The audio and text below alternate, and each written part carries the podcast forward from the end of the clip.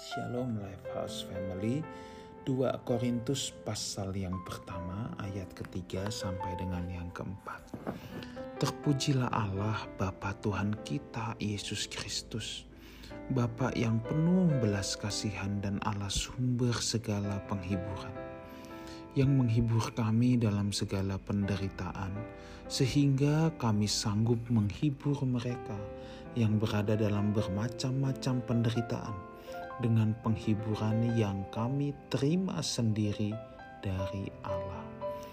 Saudaraku, pernahkah kita membayangkan ya bagaimana Rasul Paulus dalam pelayanan? Kalau kita membayangkan Rasul Paulus dalam pelayanan, itu bukan hanya yang enak-enak saja. Bahkan kalau mau dikata, lebih banyak yang tidak enak daripada yang enak. Kenapa saudara? Sebab dari luar kekristenan ia mengalami pertentangan, ia mengalami penganiayaan, penderitaan yang sangat hebat.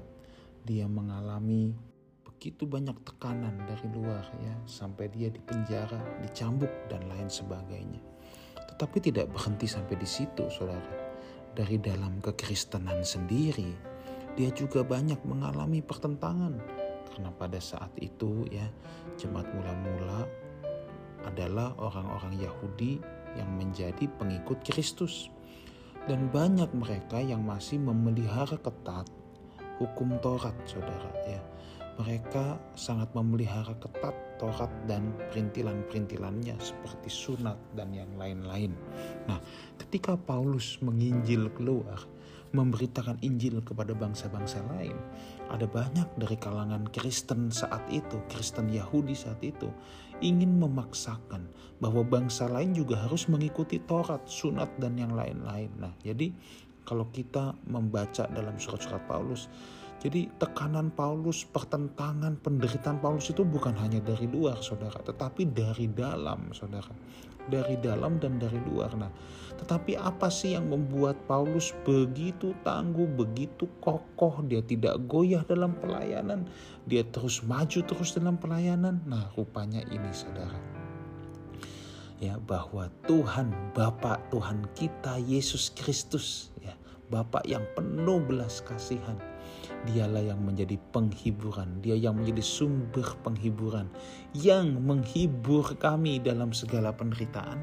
Sekalipun Dia menghadapi begitu banyak tekanan, Dia tahu Tuhan penghiburnya, sehingga kami sanggup menghibur mereka yang berada dalam bermacam-macam penderitaan. Nah, jadi Paulus sendiri menderita, tetapi karena dia punya sumber penghiburan dari Tuhan, orang yang menderita ini sekalipun dia bisa menghibur jemaat Tuhan yang juga mengalami penderitaan.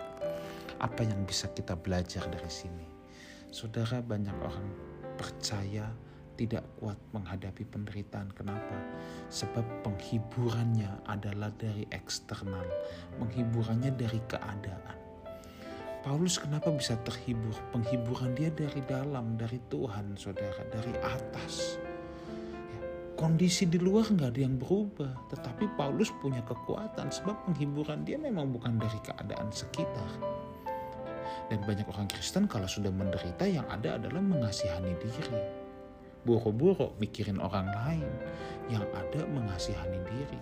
Tapi kalau kita punya sumber penghiburan yang adalah Kristus, bukan saja kita sendiri terhiburkan ketika kita dalam penderitaan tetapi juga saudara kita tetap bisa menjadi berkat, kita tetap bisa menghibur orang lain yang ada di dalam penderitaan juga. Pastikan Tuhan Yesus menjadi sumber penghiburan bagi kita. Kalau sumber penghiburan kita dari uang, ketika uangnya menipis, ketika nggak ada uang, selesai penghiburan kita. Jangan izinkan ada hal eksternal yang menjadi sumber penghiburan kita sumber penghiburan kita hanya Yesus saja. Tuhan Yesus menyertai kita semua. Amin.